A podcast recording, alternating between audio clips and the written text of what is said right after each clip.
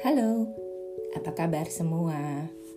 Termasuk udah lama nih dari yang tadinya seminggu sekali rajin podcast, tapi kemarin-kemarin tuh sebenarnya banyak cerita, tapi mood lagi nggak pengen ngoceh.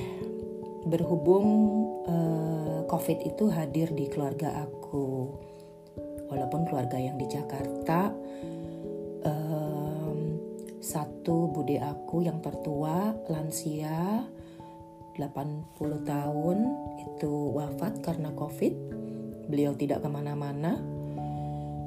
Ya dan dari situ tentunya keluarga jadi siaga satu ya yang di Jakarta yang ketemuan atau yang sempat kontak ya track and trace dan gitu gitulah gitu intinya. Kalau itu ternyata masuk ke circle dalam kita itu benar-benar bikin pikiran tuh nggak enak. Jadi kayak gampang banget gitu dan dan you don't know what to do gitu. Kalau kayak gue yang dirantau ternyata begitu banyak impresi di otak dan di hati itu yang ternyata efek juga ke fisik lo gitu. Dan itu semakin membuat gue yakin bahwa seperti judul sekarang ini, gangguan psikosomatis itu makin berpotensi mengganggu atau menjadi tantangan di kehidupan selama pandemi ini. Karena banyak sekali faktornya yang membuat gejala itu akan akan timbul, Bo. Jadi gue sendiri itu tahu psikosomatis sebetulnya mungkin udah dari 20 tahun yang lalu karena mungkin lebih juga ya waktu gue SMP jadi ini kejadian di keluarga gue gitu karena uh, orang tua gue itu berpisah. Jadi tentu saja dalam melewati masa-masa itu tidak mudah bagi kami ya anak-anak. Dan juga mungkin buat uh, orang tua aku ya. Dan pada saat itu ibu aku itu juga sering sakit jadinya. Nah waktu itu aku masih SMP dan sering banget dengar kata-kata psikosomatis. Jadi mama kamu tuh psikosomatis, mama kamu psikosomatis gitu. Karena setiap beliau uh, harus masuk rumah sakit gitu, aku kan selalu bertanya ya walaupun aku masih SMP pada saat itu ini ini mama sakit apa gitu dan ternyata pada saat itu uh, banyak dari penyakit fisik beliau itu berasal dari gangguan psikosomatis yang mungkin beliau hadapi ketika menghadapi perceraian dengan papa ya. Jadi kata-kata itu tuh lumayan familiar dari dulu. Nah, tiba-tiba ya nggak nggak nggak aja ya tahu lah ya gitu maksudnya lagi nggak into my life gitu ya uh, dengan bekerja bla bla bla bla bla kehidupan. Nah beberapa puluh tahun kemudian ya semakin ke sini dan juga dengan masa pandemi ini nih kita udah hampir 8 bulan ya Maret April Mei Juni Juli Agustus September 7 bulan ya. Mau 8 bulan nih udah mau Oktober Bo. Uh, banyak orang yang pasti um, emosinya terganggu, pikirannya terganggu dengan ketidakpastian ini, uncertain bubble, um, belum bisa pulang kampung kayak gue, atau belum berani bisa sih sebetulnya, atau belum berani, atau belum ah belum nyaman, belum nyaman ketemu orang, And, ya anyway dengan semua segala tantangan ya pekerjaan, sosial, uh, dengan semua tantangan di kehidupan pandemi ini banyak sekali pasti uh, emosi yang terganggu. Dan itu kadang-kadang kalau kita berusaha apa ya uh, bertahan gitu survive gitu that's good gitu. Tapi kadang-kadang ada juga yang kita deny gitu kalau kita tuh stres gitu. Nah jadi terus gue jadi makin makin ngeh gitu. Ternyata se se setangguh tangguhnya lo gitu gue rasa Pak Jokowi juga pasti ada psikosomatisnya ya Bo gitu kalau gue aja gini gue ngerasanya tuh gini. Kalau dari cerita-cerita gue dan temen gue ya. Kalau gue suka ngerasa gini kayaknya gue misalnya gue biasa di rumah kan ya terus kita keluar nih gitu karena di Belanda kita masih bisa keluar ya sekarang gitu kan. Misalnya gue ke kota lain gitu terus gue pulangnya malam-malam. Tapi sebenarnya lumrah kan Bo gitu. Kalau lo seharian keluar kota malamnya lo pulang lo capek gitu ya kan? Terus besoknya lo capek lemes atau badan agak sumeng-sumeng gitu. Tapi di masa kayak gini gue plus parno plus sugesti plus psikosomatis karena oh no kenapa nih jangan-jangan gue ketemu orang OTG jangan-jangan gue ketemu carrier jangan-jangan begini jangan-jangan begitu. Plus tambah bubble uncertainty dan gue ngapain aja kemarin gitu ya. Itu nambah. Nah itu itu kan pilihan gue ya gue mau tambahin stres atau gue mau gimana gitu itu dia jadi on top of your physical yang emang capek biasa, capek natural gitu ya, capek badan lo minta istirahat. Ternyata badan lo eh, eh otak lo tuh berpikiran yang yang mungkin belum tentu terjadi gitu. Nah, terus ada juga uh, temen gue gitu, gue udah uh, dia mereka cerita sendiri ke gue gitu ya di Belanda bahwa mereka misalnya uh, eh uh, gue swab test nih gitu kan ya. Menuju swab test itu itu mereka tuh yang gampang nggak enak badan di sini terus dipilek apa makanya mereka tes gitu ya. Terus begitu tahu hasilnya negatif ya mereka bilang sama gue seketika gue segar bugar loh dia bilang gitu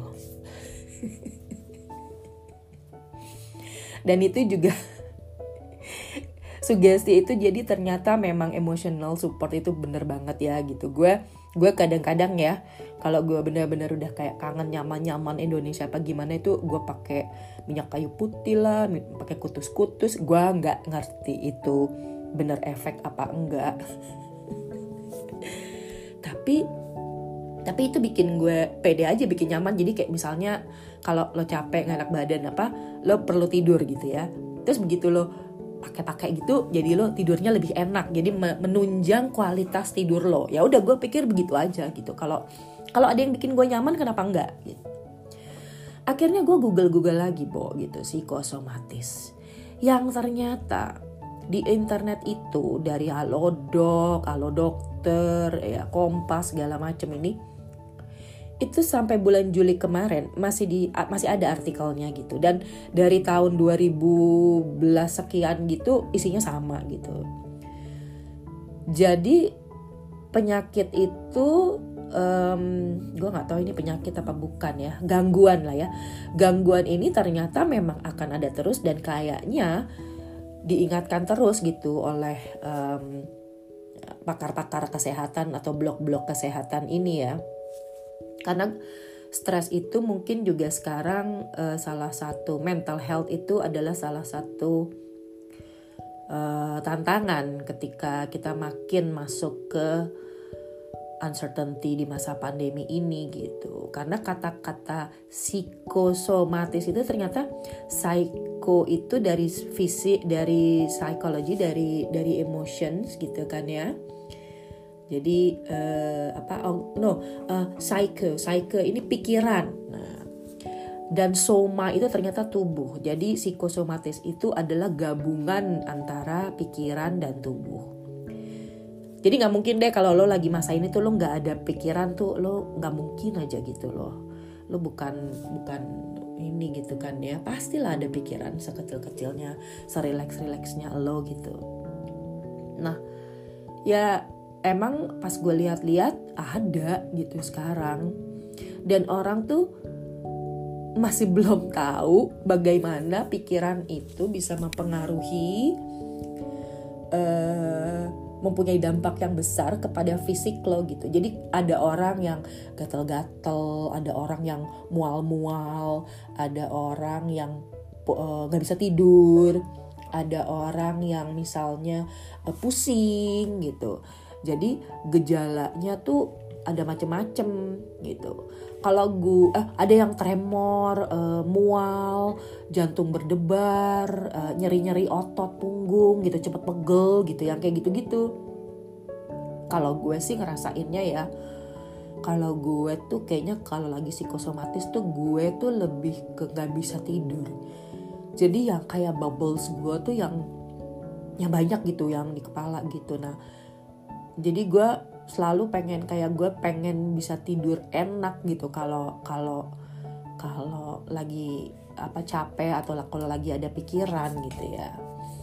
Nah jadi uh, iya jadi jadi ternyata gitu Bo. Nah terus udah gitu um, sekarang juga uh, dan dan yang gue lihat nih itu cara mengatasinya semua sama gitu loh. Dan ternyata itu yang ya memang pada akhirnya kita mesti jujur gitu loh bahwa ya gue psikosomatis nih kayaknya. Nah and then you find way which one yang make you comfortable gitu untuk uh, terapi lo. Kalau di sini nih ada beberapa metode katanya nih tips. Misalnya dengan psikoterapi dengan terapi kognitif perilaku gitu. Jadi di terapi kedua dengan relaksasi atau meditasi. Terus ketiga distraction jadi pengalihan. Aku pungtur atau hipnosis hipnoterapi.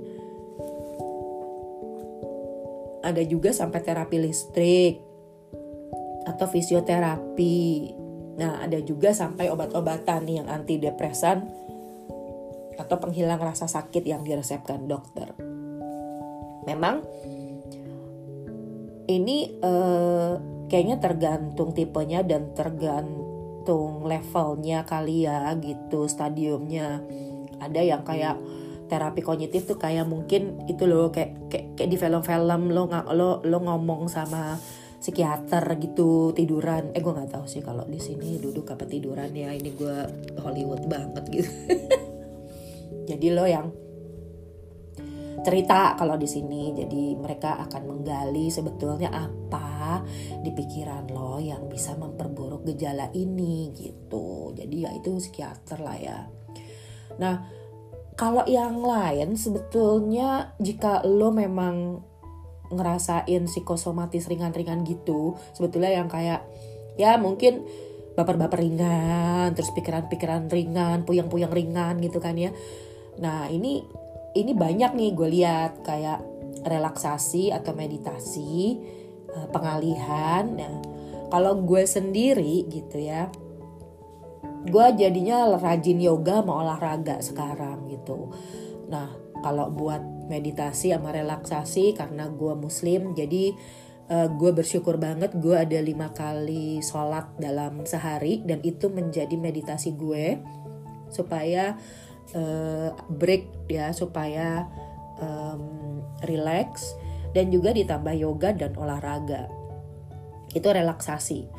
Um, karena kan ya gue relax gitu ya. Gue ada ketemu temen juga di situ ngobrol terus meditasi juga uh, break dari kerjaan dan yang lain-lain dan segala pikiran. Walaupun kadang-kadang pikiran tuh nakal ya pikiran tuh masih suka masuk gitu walaupun kita lagi sholat atau lagi meditasi. But at least at least it's balance gitu. Nah karena yoga dan olahraga itu juga menjadi um, pengalihan gitu dari pikiran.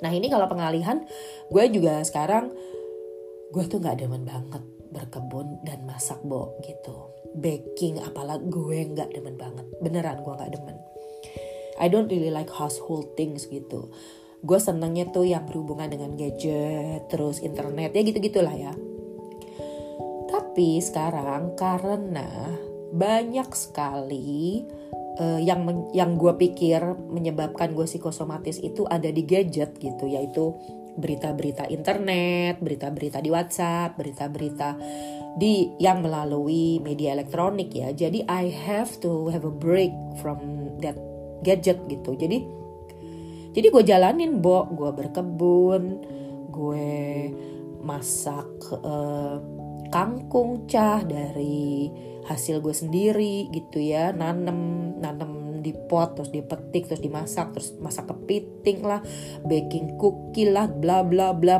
masak pisang goreng. Itu untuk pengalihan kalau gue. Jadi mengalihkan gue dari semua um, berita atau impresi yang gue pikir membuat gue lebih stres gitu, lebih psikosomatis. Nah, ya yang lain-lainnya kalau aku pungtur gue belum pernah coba. Hipnoterapi gue belum pernah coba. Terapi listrik fisioterapi obat-obatan gue belum pernah coba. Jadi it's normal it's okay that you are not okay and when you're not okay that you feel you have psikosomatis symptoms gitu loh. Jadi nggak apa-apa gitu. Kayaknya kunci dari semua ini adalah kejujuran untuk menyadari bahwa ya itu bagian dari dari tantangan hidup kita di masa ini ya gitu lo ada lo lo lo oke. Okay. maksudnya gini di di situasi ini ya itu beda beda kapal ya. Ada yang oke okay di kerjaan nggak oke okay di sosial nggak oke okay di sosial tapi oke okay di kerjaan dan segala macamnya jadi and you have to know your problem gini kayak yang di sini malah pertamanya gitu. Kalau gue ngerasa uh, yang bisa membuat gue psikosomatis itu adalah um, gue homesick gitu ya. Udah lama banget gue nggak belum bisa uh, pulang kampung ke Indonesia. Yang kedua, gue uh, kerjaan gitu, misalnya banyak. Uh, kerjaan tuh bukan karena gue kehilangan kerjaan gitu, tapi malah kerjaan yang tambah banyak karena uh, akses online itu sangat terbuka. Jadi you can do pretty much everything from everywhere gitu. Semua sekarang lewat online. Jadi kalau dulu lo ada alasan orang perlu lo atau gue perlu orang tuh yang ya lo jauh sih bo gitu. Kalau sekarang mau jauh deket tuh nggak masalah asal ada online connection gitu. Jadi kalau gue sekarang pertama gue homesick. Kedua gue uh, impresi kerjaan yang begitu banyak gitu. Nah on top itu ya pasti berita-berita pandemik ya gitu. Nah udah jadi begitu gue tahu uh, apa yang membuat gue nambah psikosomatis nih gitu. Jadi ya gue gue um, berusaha uh, terapi ke situ gitu. Ada juga kan yang problemnya mungkin memang bukan di situ ya. Problemnya mungkin malah di kerjaan yang pertama gitu. Mereka nggak kayak kayak kayak kayak suami gue deh gue sama suami gue itu tuh um, kita satu rumah tapi beda banget gitu. Pertama dia nggak perlu homesick karena dia udah di rumah dia udah home sweet home. Keluarganya deket ya teman-temannya deket semuanya deket. Dia nggak ada isu itu. Kedua dia eh, kerjaan juga alhamdulillah sampai saat ini nggak ada masalah. Jadi tantangan psikosomatis dia di pandemik ini tuh lebih karena uh, sosial gitu. Ketemu orang nggak bisa kerjaan relawannya dia yang melibatkan event besar tidak bisa uh, dia lebih ke uh, social community gitu. Lebih ke nggak bisa ketemu banyak orang gitu. Itu lebih simpel ya menurut gue. Tapi nggak buat dia gitu. Jadi ternyata orang beda-beda jadi begitu gue cerita gue mesti harus cerita bahwa eh gue tuh ada homesicknya. Lu nggak? Dia bilang eh tapi gue juga kangen Indonesia. Indonesia tuh udah my second home. That's why gitu. Indonesia my home gitu ya. Jadi um, uh, itu gitu. Setiap orang beda-beda gitu. Kayak uh, anak gue anak gue juga beda lagi. Dia pasti kangen banget teman-temannya di usia teenager gitu ya usia 20-an yang pengen banget kan ngumpul-ngumpul gitu sama teman-temannya. Dan sekarang memasuki uh, kuliah baru harus online nggak bisa kumpul nggak bisa hang out lo bayangin gak sih? Mud anak muda tapi nggak hang out gitu. Itu beda lagi gitu loh yang bikin dia bisa psikosomatis. Jadi emang ya again um, everybody's boat is different in this storm. Jadi mungkin uh, gejala psikosomatisnya juga akan beda-beda uh, uh, ininya apa namanya uh, alasannya. Alasan utama gitu. Hal-hal apa yang membuat bisa psikosomatis dan itu udah beda-beda. Nah setelah itu psikosomatisnya itu juga gejalanya juga beda-beda gitu kan. Ada yang nggak bisa tidur tadi, ada yang mual, ada yang gatal-gatal. Nah, so I think if we recognize gitu kan ya bahwa ada gejala psikosomatis on top of semua um, physical physical yang kita jaga ini gitu itu kayaknya mungkin kalau kita aware, kalau kita sadar, kalau kita jujur terhadap diri kita sendiri kayaknya dan menerima gitu ya, nggak malu gitu kalau lo psikosomatis, itu kayaknya lumayan bantu deh, Bo, gitu. Gue makanya I'm not okay, I am not okay. Gue now ended up psikosomatis, gue psikosomatis. Gue baper, gue apa? Hey, nothing is normal in 2020 so just be honest and I think it makes life easier now. Gitu. Kalian punya perasaan gitu juga nggak sih? Ayo dong di share sama aku. Cari temen. Ya kangen banget sama Jakarta. Kangen banget sama Indonesia. Um, di sini udah masuk musim gugur another challenge buat negara-negara empat musim karena tentu saja kami udah tidak bisa buka rumah dan sirkulasi di dalam gedung menjadi tantangan. Wish us luck. But hopefully uh, kita makin mulai bisa berdamai dengan situasi ini. Thank you very much, thank you very much for still listening. Um, kalau ada ide, kritik, saran, shout out apa pun mau dong aku dicolek absolut raya di sosial mana pun. Just to know that you are there. Thank you well